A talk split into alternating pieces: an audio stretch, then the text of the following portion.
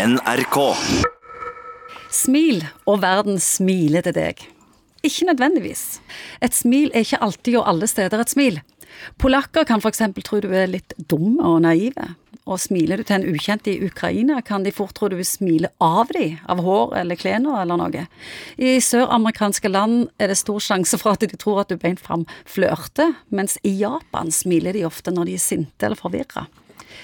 Og psykolog Egon Hagen, alt må svare på Hvorfor er smilet så mystisk? Ja, det er mystisk fordi at det både kan uttrykke følelser, og så kan det være det motsatte. At det er et forsøk på å ta grep om følelser. Fordi at smilet, ansiktet vårt, det er et sterkt fokus for et menneske, hvordan ansiktet egentlig beveger seg og uttrykker seg. Men det handler ikke bare om å vise følelser, det handler svært ofte om å skjule følelser, faktisk. Ja, sånn som i Japan. I Japan, eksempel. Uansett hva følelser folk har, så smiler de.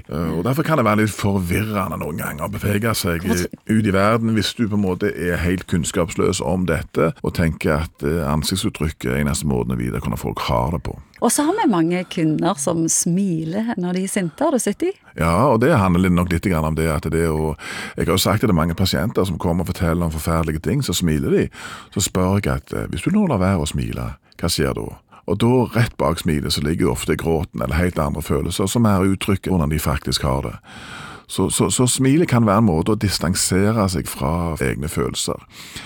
Men så snakket jeg òg med en eh, dørvakt en gang som fortalte at vet du hva det viktigste våpenet for å ikke oppleve vold i forhold til fulle folk? det er smilet. Det er få folk som slår til folk som står og smiler til en, hvis du smiler med en ok måte. Det, det blir jo komplisert hvis vi tenker dette hele verden under ett, men i norsk eller eh, europeisk sammenheng så er det klart at smilet er utrolig avvæpnende, og det er kontaktskapende, og det er noe ganske stressreduserende. Og kan ta mye angst og agg ut av ulike situasjoner. Det er et ganske sterkt uttrykk som er helt uavhengig av språk. Ja. Og så er det jo alt dette som vi som kognitive terapeuter har lært pasientene lenge, at hvis du trener deg Du står om morgenen og så kjente du at dette er litt sånn halvuken dag. Skal du mønstre på en dag til, så skal du stå foran speilet og så skal du smile. For det viser seg at uh, du kan lure hjernen litt. Grann. Det skiller ut stoffer? Ja, du smiler, og så ja, men det er kanskje ikke så verst allikevel. Det er litt det samme som hvis du går en mørk kveld ute, så begynner du å springe. Springer du fortere, så kan du plutselig bli redd. Ja, du kan det.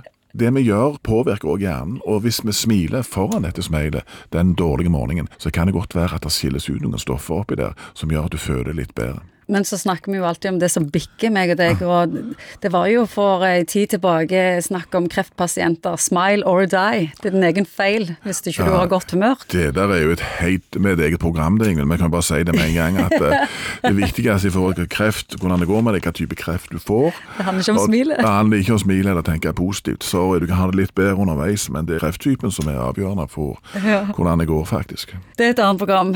Et smil, det skjer i et glimt, men effekten den kan vare lenge. Og Noen ganger så kan du få et sånt et smil, i hvert fall eh, sånn du bare kjenner at du har med deg hele dagen. og Fordi det smilet inneholder så greielig mange forskjellige ting. Ja. Og det er jo sinnssykt deilig. Det er jo som en svær dose med vitaminer til sjelslivet. Det er deilige ting, syns jeg. Ja, Så ikke vær gjerrig med smila. Nei, ikke det. Vi nordmenn iallfall, vi kan gønne på litt. NRK.